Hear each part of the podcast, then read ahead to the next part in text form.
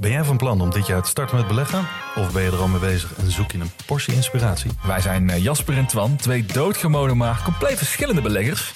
En iedere donderdag vertellen wij in onze podcast de lange termijn over onze beleggingsreis, onze lessen en met name onze fouten. En dat allemaal op een eh, vermakelijke en een langdrempelige manier. Alsof je met ons in een kroeg staat. Met een whiskietje erbij. Lekker. Dus luister eens naar onze podcast De Lange Termijn.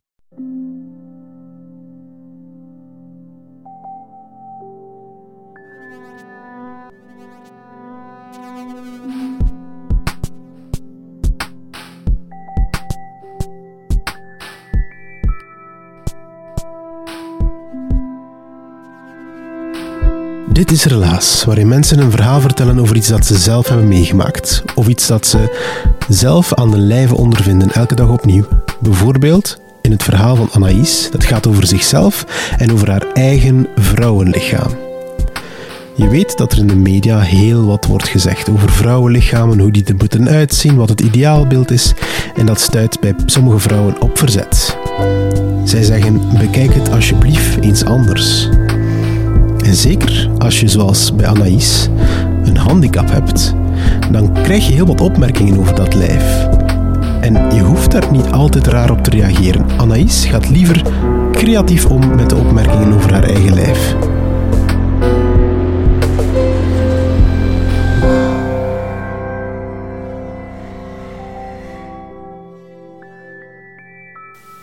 I woke up one morning, thighs covered in blood like a war, like a warning that I live in a breakable, takeable body, an ever increasingly valuable body that a woman in the night had come to replace me, deface me. Dat zongen de pathetische sirenes van de jaren 90. De Tori Amosen en de PJ Harveys en de Annie DeFranco's. En ik was toen een jaar of elf en ik lag heel vaak op mijn bed. Ik lag daar menstruatiekrampen te verbijten of nieuwe stroperige gevoelens in mijn onderbuik weg te duwen, weg te wrijven. En terwijl ik dat deed, stonden op mijn platenspelertje zo'n zilveren Sony, het laatste cadeau dat ik ooit van de Sint zou krijgen, die pathetische sirenes op. En ze waren niet cool. Ze waren ook toen niet cool in de jaren 90, want ze roken een beetje naar vrouwelijke hysterie en dat is nooit cool geweest. Ze lieten vreemde geluiden uit hun ingewanden opborrelen. Ze sloegen op hun instrumenten. Ze verpesten opnames door hun lachen uit te barsten. En bovenal zongen ze hele dagen over vrouwenlijven. En ik weet niet waarom, maar het is dat wat ik dag in dag uit wilde horen. Mijn ouders werden er knettergek van. Altijd diezelfde cd's, altijd superluid op repeat. En zij maar krijsen over bloedende harten en borstkassen die ineengedrukt werden, heupen die uit elkaar gerukt werden, donkere plekken die geschoren moesten worden, knieën zo geschaafd dat je er niet meer op kon of wou zitten. Vrouwen die vijftig voet hoog worden en boven alles uittorenen. Het moet dat nieuwe vrouwenlijf geweest zijn, waar ik op een ochtend mee opstond. Dat deed me aan denken dat we allemaal zo ontzettend kwetsbaar en veranderlijk vlees zijn. En het was heel plots, dat vrouwenlijf. Voor mij geen meisjes van dertien met knokige knietjes overal tussenin. Nee, ik stond op een dag op met een lichaam dat ik niet meer herkende, dat ik niet meer kon lezen. Ik kon mezelf niet meer lezen. En al die boekjes die mijn ouders door het huis strooiden over de reis van de eicel en de geheimen van de puberteit, leken niet echt te helpen. Het enige wat leek te helpen was dat lyrisch medicijn dat ik innam. Een soort kompas om me te vertellen hoe dat, dat moest. Leven in een lichaam dat grenzen verlegt, dat je onherroepelijk verbindt met andere mensen, dat je tegen je gebruikt kan worden, dat zo gevoelig is, dat zoveel voelt, dat zoveel genot kan maken, zoveel genot kan geven, dat grenzen verlegt. Dat lichaam hebben, maar er toch niet door gedefinieerd worden. Nu had ik al meer ervaring met in een beetje een opstandig, een beetje een raar lichaam leven, een lichaam dat tegen je gebruikt kan worden. En misschien is het daarom dat in alles wat ik doe eigenlijk vandaag de dag het altijd maar weer gaat over lichamen. Praten over lichamen, schrijven over lichamen. Ik moet aan een andere scène denken. En daarin ben ik jaar of vijf. Ik sta in een dokterskabinet, zo'n helverlicht dokterskabinet. En voor mij staat een dokter en hij kijkt naar mij, een beetje afkeurend. Ik sta daar met mollige beentjes, mollige armen, zo blozende, ronde wangetjes, in zo'n klein wit slipje, wit onderlijfje met een strikje op. En zo'n buik die een beetje over dat slipje puilt. En dat had hij gezien, die dokter. Ja, daar keek hij een beetje afkeurend naar.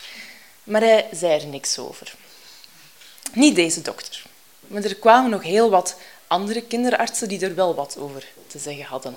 Die me wilden meten en wegen, tegen BMI-tabellen afschilderen. En elke keer als ik gemeten en gewogen werd, was het te veel, tro. Te groot. Je ziet het nu niet meer. Ik denk dat ik, uh, toen ik een jaar of elf was, gestopt ben met groeien. Maar toen was ik echt heel groot. Zo het soort van groot dat je van de wetenschappelijk verantwoorde kaart valt. Het soort van groot dat ervoor zorgt dat jij als enige op de klassenfoto op een stoeltje moet gaan zitten, terwijl al de rest mag blijven rechtstaan.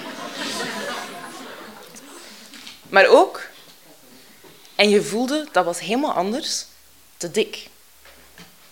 Daar werd over gepraat alsof het een soort van ziekte was. Boven je hoofd werd erover gesproken alsof er iemand moreel aan het falen was. Was jij het? Was jij te gulzig? Kende jij geen grenzen? Was jij een soort van klein Evatje dat niet van de appels kon blijven waar ze af moest blijven? Of was het misschien je moeder? Want die stond ook in dat dokterskabinet. En die moesten zichzelf verdedigen tegen die dokter. Die moest dan zeggen, maar ik weet echt niet hoe het komt, want allee, we sporten echt heel veel en we eten eigenlijk heel gezond. Ja, ik weet het ook niet. En ze wilden je wel beschermen, maar ze schaamden zich ook. Dus de volgende dag kreeg jij een boterham minder dan je broer. Want ook je moeder was ooit een meisje geweest dat in een dokterskabinet had gestaan, tegenover een dokter en wiens dijen te dik bevonden waren en wiens moeder zich daarover geschaamd had. Maar niet deze dokter, nee. Deze dokter was gespecialiseerd in bovenste ledematen. Hij was bezig met iets helemaal anders op te meten en nauwkeurig te bekijken, doch iets wat afkeurend. En dat was wat in de medische vakterminologie blijkbaar altijd de stomp genoemd wordt. Of ook wel de ontbrekende arm. In mijn hoofd, als vijfjarige, gewoon mijn arm. Ik had niet door dat er iets ontbrak. Of ook wel het molletje, ik teken er dan zo uh, twee oogjes en een glimlachje op mijn arm. En dan ging ik daarmee op het podium staan tijdens de toneellessen. En dan liet ik hem zingen, want het is een hij. En ook wel rappen. De rapmol. Het waren de jaren 90. Rappen was wel cool.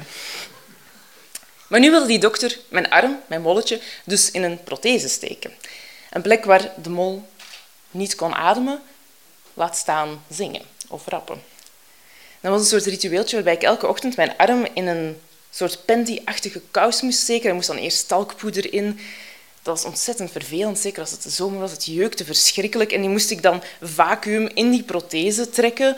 Een dood gewicht waar je heel de dagen mee rondliep en waar ik niks meer mee kon dan zonder prothese. Het zinde me niet. Toch moest ik die prothese aan. En het voelde alsof ik geblinddoekt werd, want ik voelde niks meer aan die arm. Maar voelen, daar ging het de dokters niet meteen over. Het ging over de functionaliteit.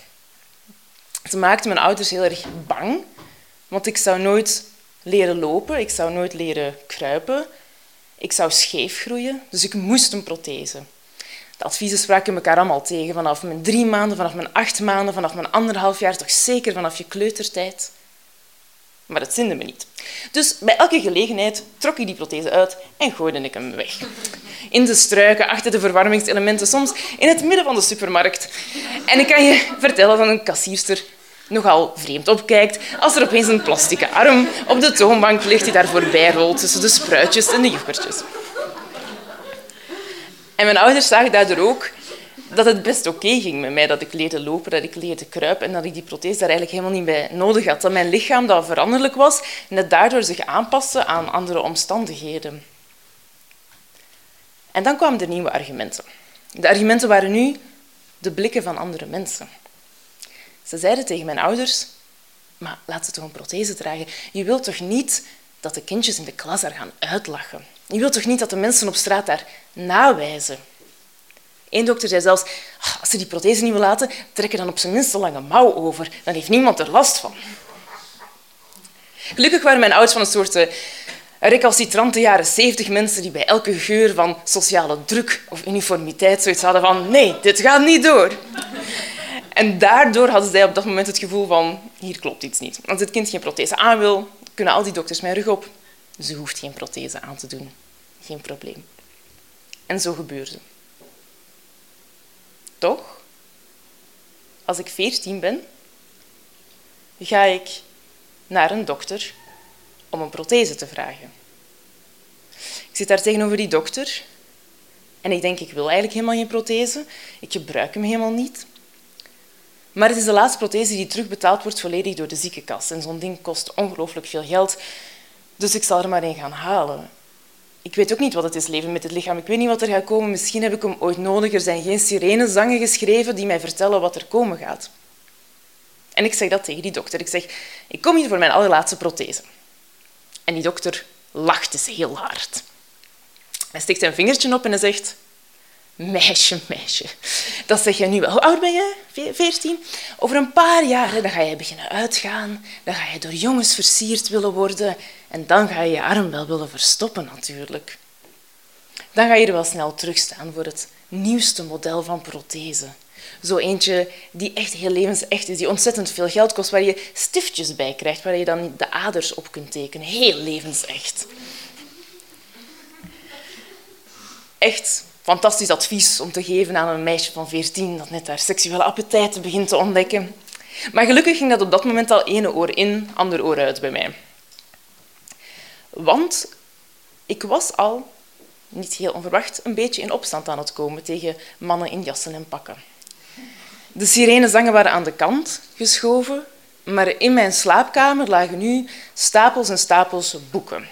Boeken die ik in mijn moeder uit bibliotheekkasten gevonden had. Allemaal klassiekers uit de tweede feministische golf. Allemaal boeken die het hadden over lichamen, over vrouwenlichamen.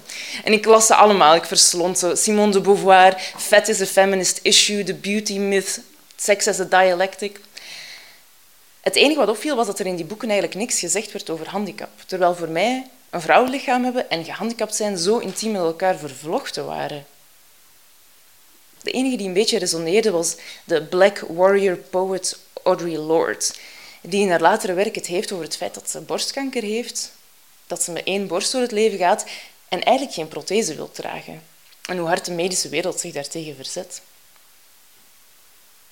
Maar ik ga daar dus met mijn voorschriftje voor mijn echt allerlaatste prothese. En ik ga van de dokter naar de orthopedist, waar je je prothese laat maken.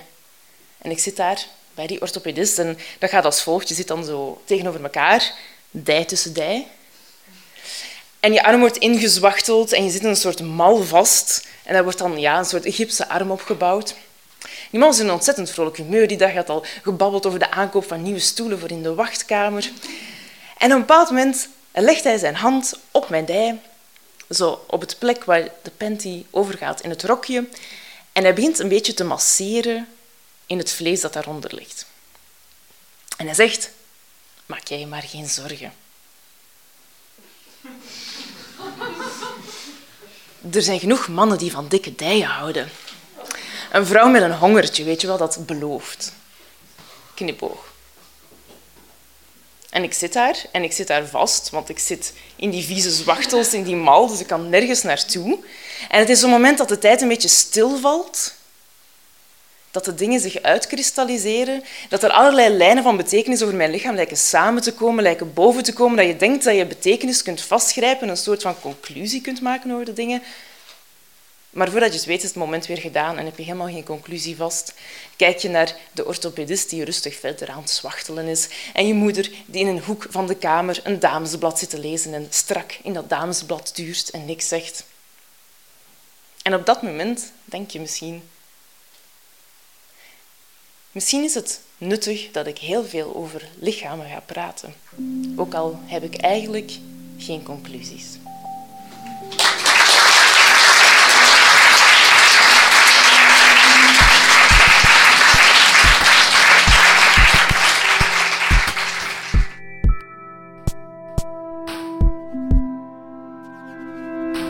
Dat was het relaas van Anaïs. Ze vertelde het vol zelfvertrouwen in UZ in Gent zonder blad voor de mond, zoals ze is kijk naar wie ik ben en hoe ik eruit zie, dat straalde ze uit. Ze gaat dieper in op haar eigen lijf in haar eigen podcast die ze samen met schrijfster Helene de Bruyne maakt. Die podcast heet Vuile Lakens en daarin gaan Anaïs en Helene op zoek naar seks, mannen en vrouwenlichamen en naar de dingen die we anders niet zomaar makkelijk op tafel smijten. Iedereen van jullie heeft een lichaam en ik kan me inbeelden dat je misschien ook al eens iets wil vertellen over je eigen lichaam of wat je daar hebt mee meegemaakt. Dat kan. Laat het ons gewoon weten via relaas.be of op onze Facebook.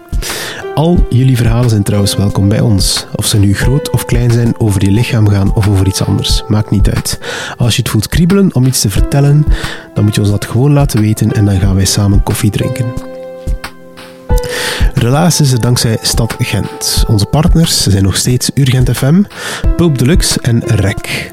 Relaas wordt gemaakt door een hele hoop mensen. Dieter van Huffel, Timon van de Voorde, Sarah Latree, Philip Cox, Evert Saver, Charlotte Huigen, Marleen Michels, Anne van den Abelen, Kenny Vermeulen, Sarah de Moor, Anneleen Schelstraten, Ruby Bernabeu Plaus, Stefan Gruijaert en ikzelf ben Pieter Blomme. Jullie zijn onze luisteraars, maar jullie zijn ook onze ambassadeurs. Dus deel af en toe eens een verhaal van Relaas online. En dan bereiken wij nog heel veel meer nieuwe luisteraars. Zonder jullie lukt dat niet, helaas. Like ons op Facebook, gewoon Relaas intypen. En abonneer je op onze podcast, dat kan via Soundcloud, iTunes, maakt niet uit. We zijn ook op Stitcher. Alles wat een RSS heeft, daarin kan je ons vinden. Als je dan ook nog eens een comment achterlaat, dan zijn we jou heel dankbaar, want dan weten we ook wat je van onze podcast vindt. Bedankt om te luisteren en tot de volgende.